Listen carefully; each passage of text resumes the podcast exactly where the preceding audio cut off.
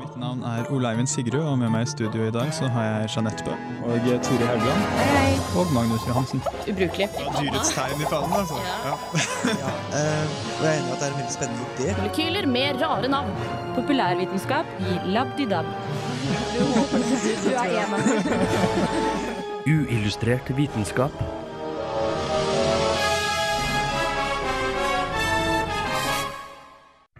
Vi i Uillustrert vitenskap er i likhet med de fleste andre studenter nokså opptatt med eksamenslesing for tiden. Men fortvil ikke, sending blir det likevel når vi trekker frem det aller beste, artigste og mest interessante vi har produsert dette semesteret.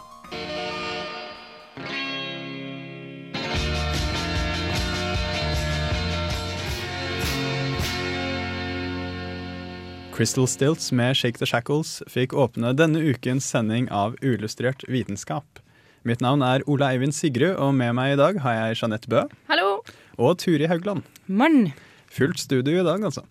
Eh, vi hadde jo siste sånn ordinære sending eh, forrige uke, men eh, skal som sagt ha en sånn Best of-sending der vi plukker det aller beste og morsomste vi har lagd dette semesteret. Og det er en del, ikke sant? Ja, det, det er det. Ja. skuffende mye. Ikke sant? Det var faktisk ganske vanskelig å velge ut. Eh, Vi burde egentlig hatt flere slike sendinger. Men eh, for de av dere som da har lyst til å høre mer, så er det jo bare å gå i podkastarkivet og eh, sjekke ut der. Nå skal vi få Marnie Stern med 'Nothing Left'.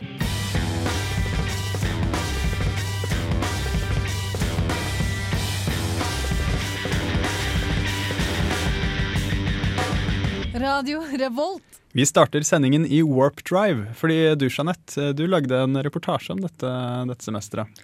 Det er helt sant. Jeg sitter og ser en god del på science fiction.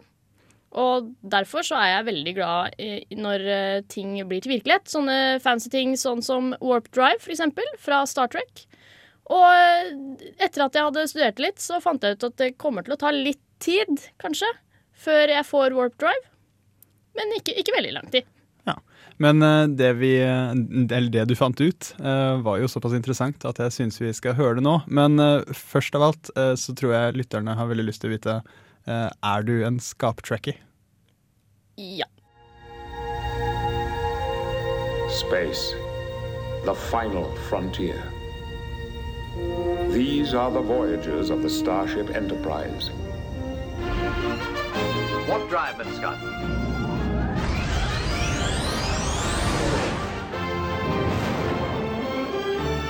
Warp speed er mulig i Star Trek. Men er det nå helt umulig at det å reise i warp speed kan bli en realitet? Relativitetsteorien sier at massen til et objekt vil gå mot uendelig idet det nærmer seg lysets hastighet. Så vil vi noen gang kunne reise fortere enn lyset. For å komme nærmere et svar på det her, må vi først få en innføring i grunnleggende warp speed. Kosmiske ormehull kan være en åpning til andre enden av universet, men forskere leter stadig etter et annet smutthull i relativiteten, nemlig warp drive. Ifølge astrofysikeren Richard Obausi vil ikke warp drive fungere slik at det er vi som kjører gjennom verdensrommet, men at vi faktisk flytter på selve verdensrommet selv. Et objekt som beveger seg gjennom verdensrommet vil jo følge reglene for relativiteten. Men det finnes ingen slike regler for selve verdensrommet. Flott. Da er vi litt på vei. Men er dette mulig å gjennomføre?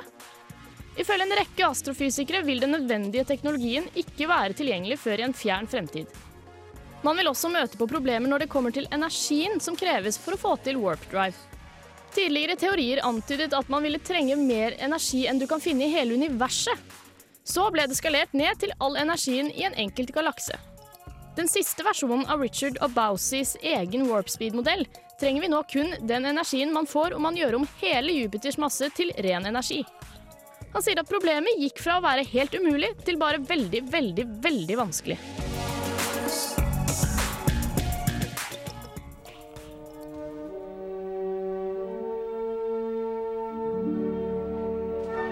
La oss nå late som at vi er en fjern fremtid og sitter i et romskip og er klar for warp speed. Vil det her da være en trygg kjøretur? Radiologiprofessor William Edelstein ved John Hopkins University skrev tidligere i år om noen av problemene med raskere enn lyset reiser. Hans hovedbekymring var hydrogenet som befinner seg i verdensrommet. Det er ikke mer enn ca. to atomer per kubikkcentimeter, men det er allikevel nok til å være altfor farlig. Edelstein skriver at disse atomene vil krasje med romskipet med en så høy energi at de vil trenge gjennom romskipet og ta livet av alt inni det. Han sammenligner det med å stikke til Cern og stelle seg rett foran en partikkelstråle i LHC. Vi ville ikke overlevd lenger enn en brøkdel av et sekund. Æsj. Men teknologiske spådommer fra science fiction blir jo virkelighet rett som det er. Vi så jo alle iPaden i Kubrick-klassikeren 2001 En romodyssé. Jeg for min del velger å fortsette å vente i spenning. So this is Richard Wiseman, author of 59 Seconds, and you are listening to Unillustrated Science. Enjoy.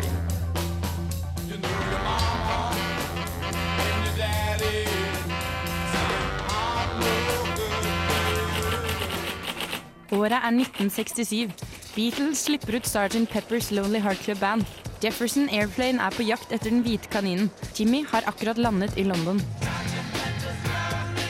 Hippiebevegelsen er med andre ord på inntog. Og det er òg dens motbevegelse. For alle er ikke like begeistret over ubegrenset hårvekst.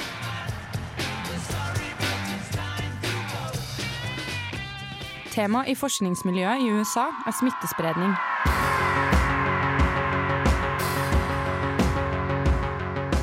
Smitte fra forskere ved mikrobiologiske laboratorier er oppdaget. Smitten skjer indirekte.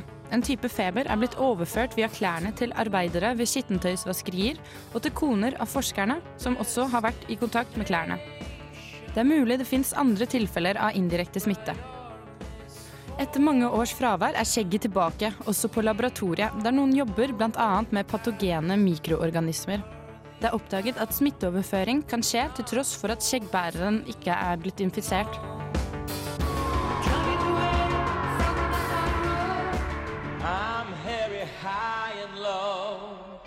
Don't ask me why. Don't know. Ettersom det i 39 til 89% av smittetilfellene ikke er kjente kilder, er det grunn til å oppfatte skjegg som uønskede, ettersom det utgjør en trussel mot familie og bekjente.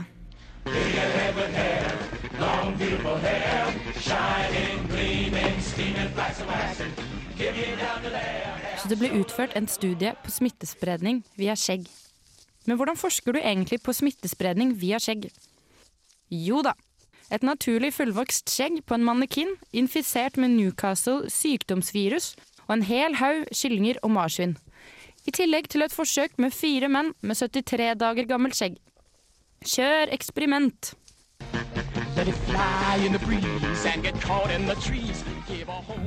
Og resultatet viste jo at håret burde av. Selv om det ikke var 100% smittegaranti, var det grunn til bekymring for smitteoverføring. Blant annet var ni kyllinger, nærmere bestemt nummer 55 til og med 63, blitt infisert ved kontakt med skjegget med 1 milliliter virus i. Så spoler vi 43 år fram i tid. Ig Nobelprisen for folkehelse går til Microbiological Laboratory Hazard of Bearded Men. Gratulerer Manuel S. Barbeito, Charles T. Matthews og Larry A. Taylor.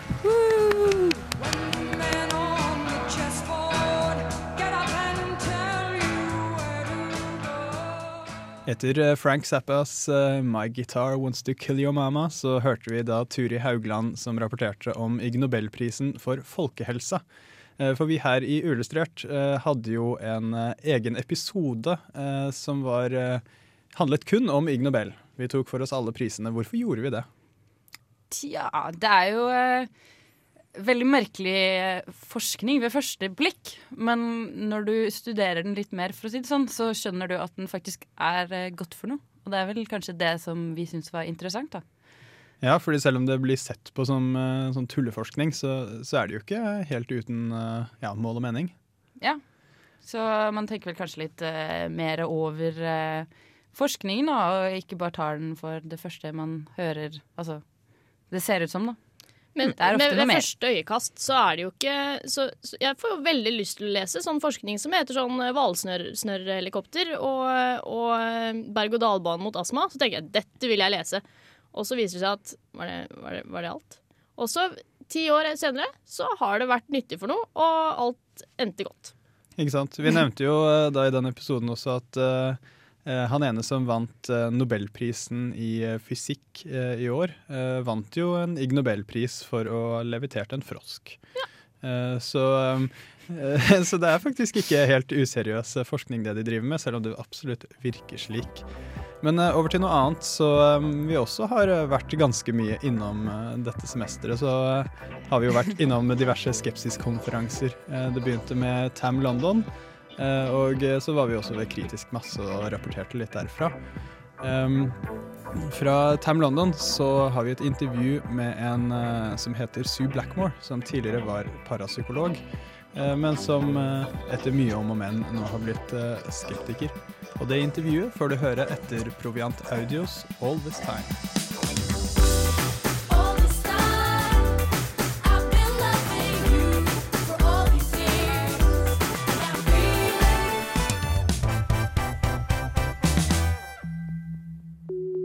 And my response was, oh, well, perhaps gutters in the astral are different.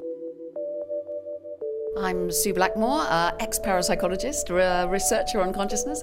I'm a, a, um, a writer and lecturer and a visiting professor at the University of Plymouth in England.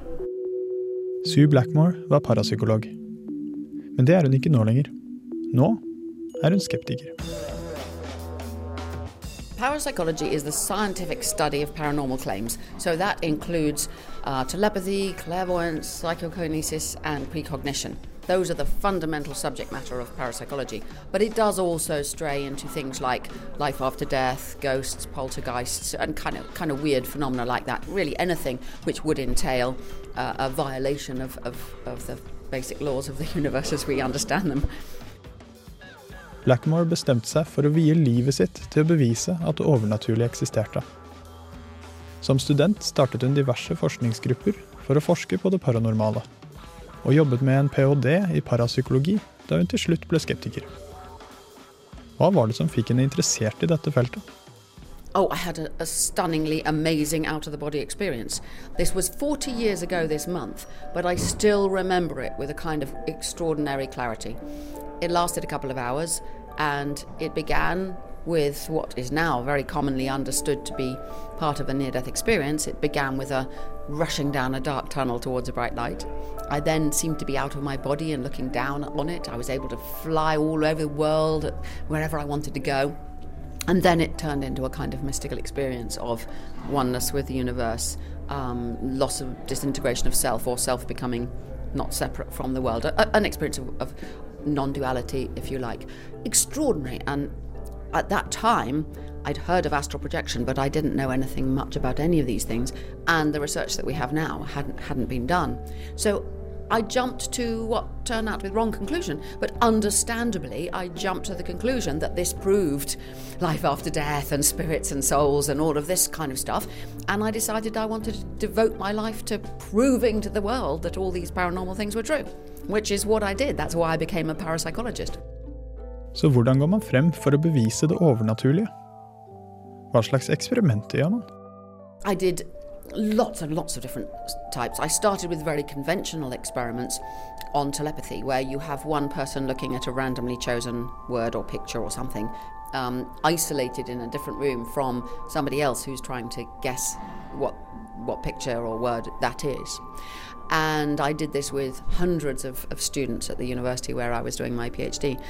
And I was trying to test my theory. I had a great theory about memory and ESP. And I couldn't test the theory because every time I, I did these experiments, I never found any telepathy. So I, you know, in, in science, you, you have some phenomenon. You then try to understand how the phenomenon works by doing clever experiments that tease out different theories. Well, you can't do that if you don't have a phenomenon. And I couldn't find any ESP. Så ble hun altså overbevist om at parapsykologi ikke hadde noe for seg. Men hvordan foregikk overgangen fra sterk troende til skeptiker? you know, in, in a way, I always was skeptical in the sense that I was always, I've always had a scientific mind, an inquiring mind. I've always asked awkward questions, and I've always been interested in testing things to find out the truth behind them. So even at my very most believing stage, right after this experience, even then I was asking, well, when I saw the roofs above from my college and I went above my college in Oxford and looked down on the roofs and I checked the next day to see if the gutters were the same and they weren't. And my response was, oh, well, perhaps gutters in the astral are different or, you know, something like that.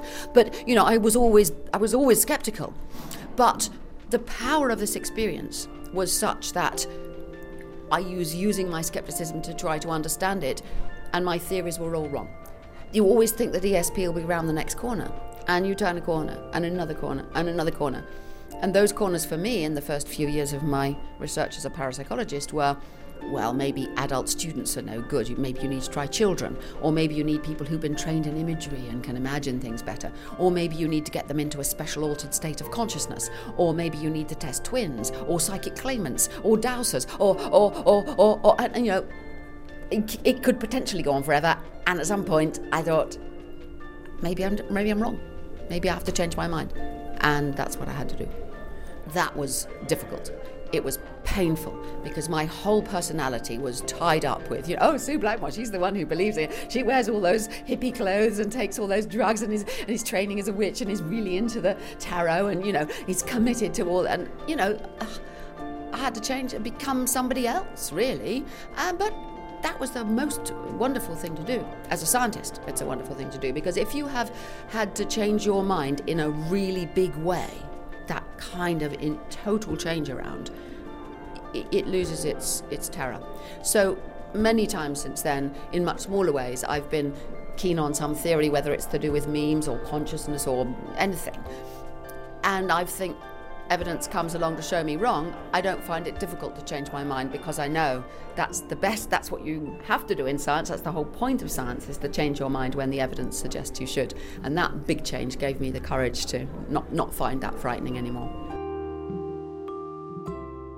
Tidligere dette semesteret så var det en god del medieoppslag om eh, såkalte kvantehackere her ved NTNU. Um, og eh, da stakk jo eh, Turi eh, opp på Gløshaugen for å snakke med dem, gjorde du ikke det? Jo, en uke etter medieoppstyret dro jeg opp og pratet. Det er koselig og gøy å se den maskinen deres. Det er ganske utrolig at de har fått det til. Og de har jo tatt en del av de samme fagene som jeg gjør, og sånn, så jeg blir litt sånn hei, Kult. dit kan jeg jo gå, på en måte. For det høres jo fantastisk kult ut da, med kvante og hacker i ett ord. Det gjør det faktisk. Mm. Eh, de har vel gått eh, digitalteknikk og telekommunikasjon, så det høres ikke så kult ut. Men eh, det er jo likevel ganske bra gjort. Fancy, vil jeg si. Nerder. Ja, hvordan var de folkene egentlig? Eh, Veldig normal, han jeg pratet med. Men det var da et forskerteam. Veldig og normal.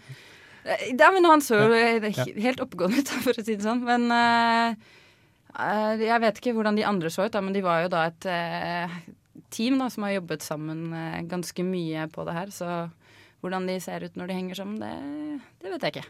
Ja. Så kvantehackere hørte du kanskje ikke om først her, men du hørte først her at de ikke bare er en gjeng med kjempestereotypiske nerder.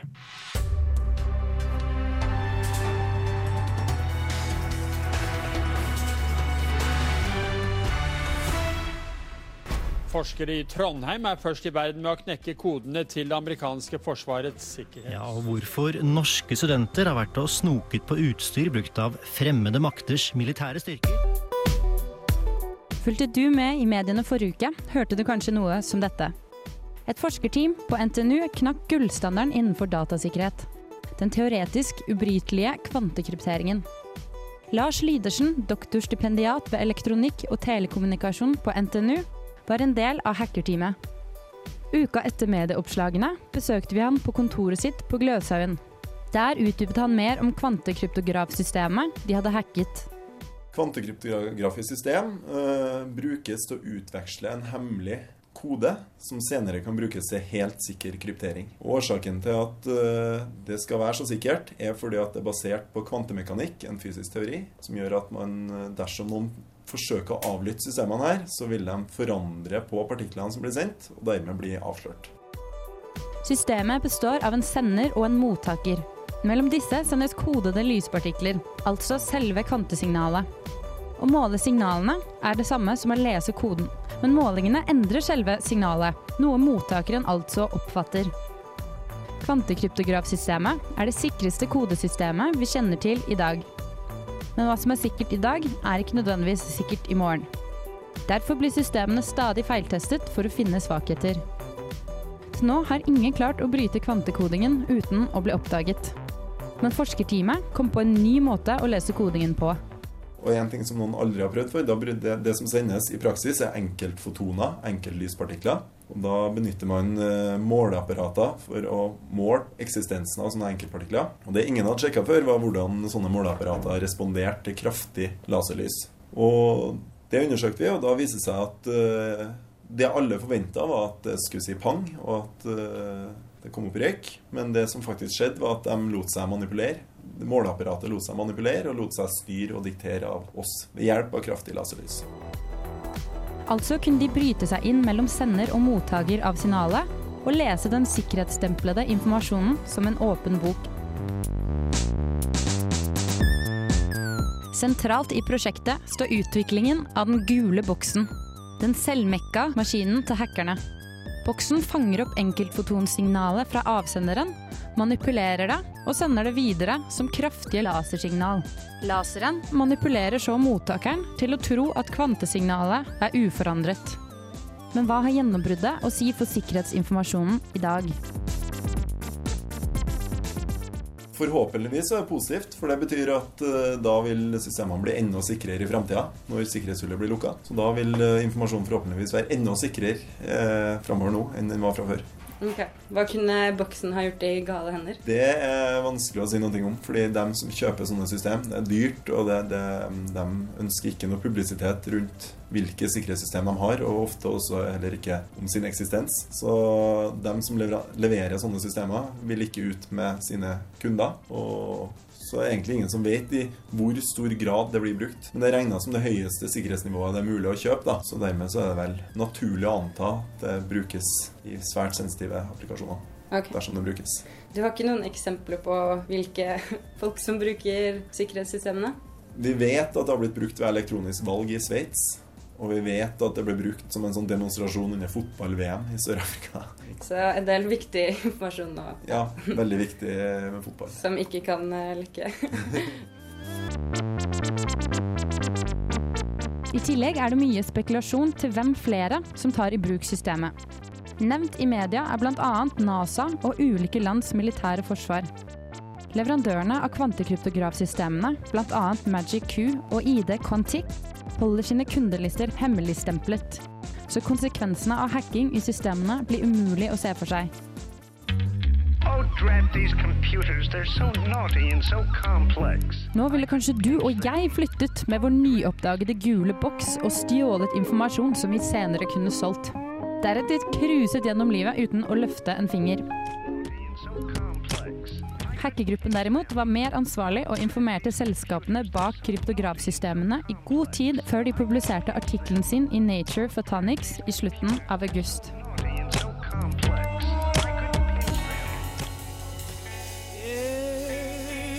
Check it out. 17 years and counting, or trying to climb up the rough side of the mountain. Friends warn me I'ma have to do it without them. No problem, really, it was never about them. Ig Nobelvinnere 2010. Fred. Denne gjeve prisen gikk til forskere ved Kiel University i Storbritannia. De har klart å bekrefte at banning faktisk hjelper ved smerte. Studiet ble begrenset til kuldeindusert smerte ved å la deltakerne putte hendene i iskaldt vann. En gruppe ble bedt om å gjenta uspesifiserte forbannelser, mens en annen ble bedt om å gjenta dagligdagse ord. Banningen viste seg å gi en mindre opplevelse av smerte. Emma! Forbanna jævla fittefaen! Helvete! Hey, this is Phil Plate from Bad Astronomy, and you are listening to Unillustrated Science on Radio Revolt because science is awesome. Det var det andre innslaget fra Ig Nobel-sendingen vår eh, dette semesteret. Jeg har en liten eh, fun fact eh, om Ig Nobel. Ja. Eh, det, er- er en Ig Nobel-prisvinner som visstnok kan ha redda USAs president. Wow. Fantastisk. Det Hvem var de da? Det var, eh, Jeg husker ikke hvilket år det var. 2001, tror jeg. Eh, nei, vinneren var ikke Bush. Vinneren var, eh, var eh, Han vet ikke hvem det var, men han vant eh, fysikkprisen.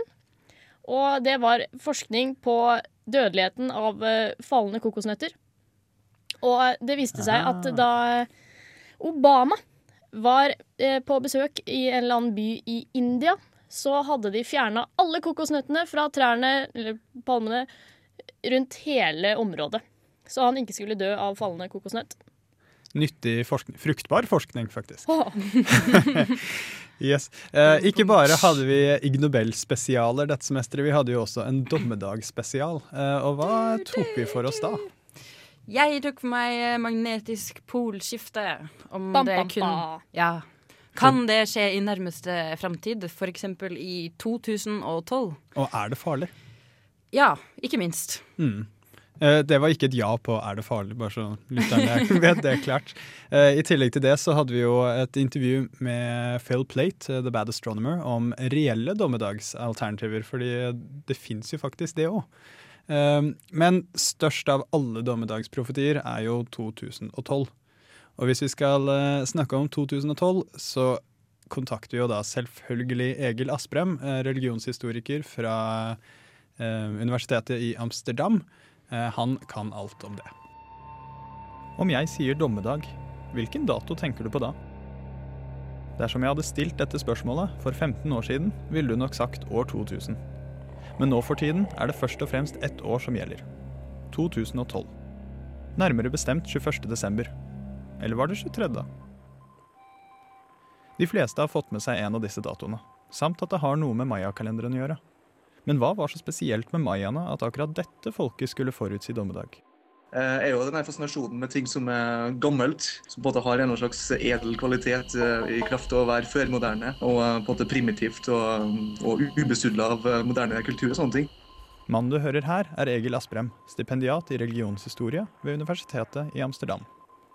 Han forsker spesielt på esoterikk og moderne okkulte strømninger. Og til en viss grad ny religiøsitet.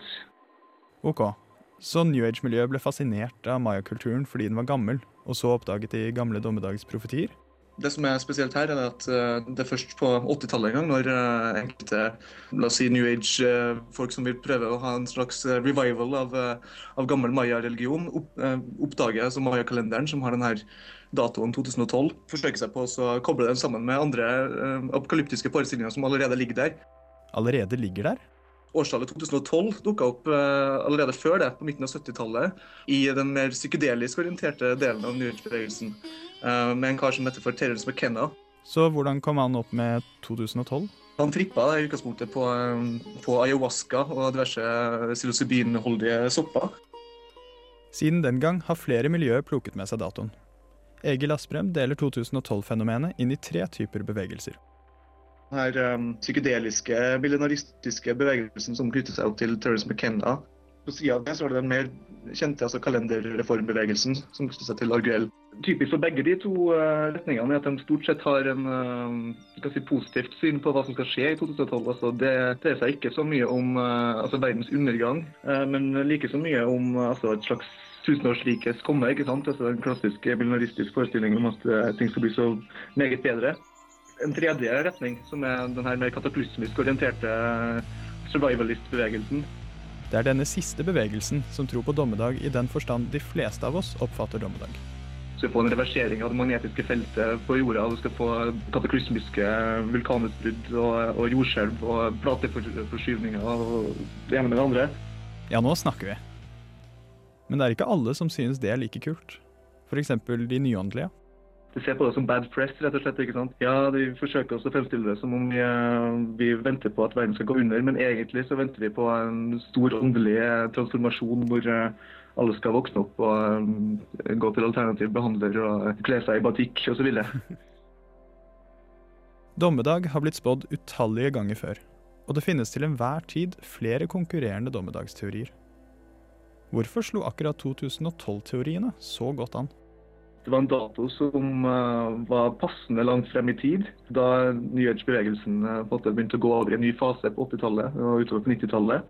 Eh, jeg tror det er veldig viktig for en vellykka la oss si, apokalyptisk eh, bevegelse å ha en dato som er både nær, eh, men samtidig langt nok frem, sånn at man kan eh, rekke å bygge opp en diskurs rundt det. da. Eh, og Det har du absolutt, eh, absolutt sett her. da. Denne mayakalenderen er nokså sentral i 2012-fenomenet. Jeg liker å snakke om det i plural. Kalendere? Som i flere enn én? Uh, Mayan hadde et, et, helt sett med masse forskjellige typer kalendere som uh, delvis overlappa, delvis hadde forskjellige funksjoner. Men det er kun én av disse, den såkalte langtellingen, som går ut i desember 2012. Det var allerede et uh, estimat som ble gjort i 1890-årene, om jeg husker riktig. Men om vi har visst om sluttdatoen så lenge, hvorfor tok det nærmere 100 år før folk tolket det som dommedag? Man forestilte seg at kalenderen starter med begynnelsen av vår verden. Da. Og uh, later til at den datoen som, som det starter på, det er vel uh, i august en gang i år 31-14 før det var tidsregning, så finnes det en del astronomiske gode grunner til at den datoen er spesiell. da. Det var altså starttidspunktet som var viktig for mayakulturen. Sluttdatoen fulgte rett og slett kun deres nokså innviklet kalendersystem. Det virker i hvert fall slik, men har vi noen arkeologiske funn som støtter opp om det ene eller det andre? F.eks. så finnes det um, en søyle som ble reist eh, i eh, byen Tikal. Søylen ble reist av keiser Pakal. Og på den står det beskrevet hvordan han skal arrangere en diger fest til ære for sin egen innsettelse. Det er noe sånn som 80 kalenderrunder etter at han ble, han ble innsatt som keiser. da. I vår kalender blir datoen 21. oktober, år 4772. Keiser Pakal i alle fall eh, hadde ikke noe problem med å se for seg at eh, det kunne holdes en gedigen fest eh, over 2000 år etter verdens undergang. Så hva vil religionshistorikere gjøre 23.12.2012? En kollega har foreslått at vi burde holde en, en konferanse om temaet dommedag. Uh, og det flotte da er jo at uh, du kan få folk fra hele verden til å komme, for man behøver bare kjøpe billett én vei.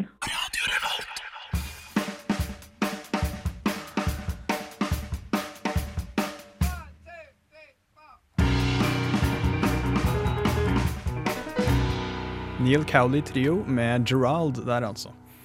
Um, dommedag kommer altså antagelig ikke til å skje i 2012, men uh, tiden er dessverre ute for uillustrert vitenskap i denne omgang. Uh, vi har jo uh, tatt opp ganske mye av det vi har vært innom dette semesteret, og vi kan jo se frem til et nytt semester etter jul. da blir det tatt opp mye.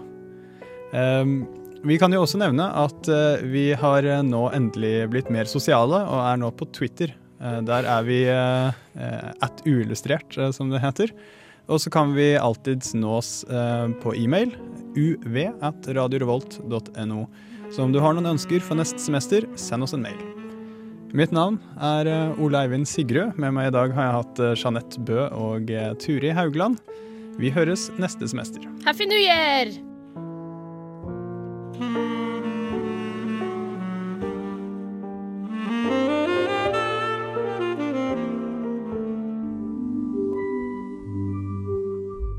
Uillustrert vitenskap er Midt-Norges eneste teknologimagasin på lokalradio. Og vi snakker om alt fra populærvitenskap til sære forskningsprosjekt ved NTNU. Radio Revolt, studentradioen i Trondheim, er stolt av å kunne presentere podkaster fra de aller mest populære programmene våre.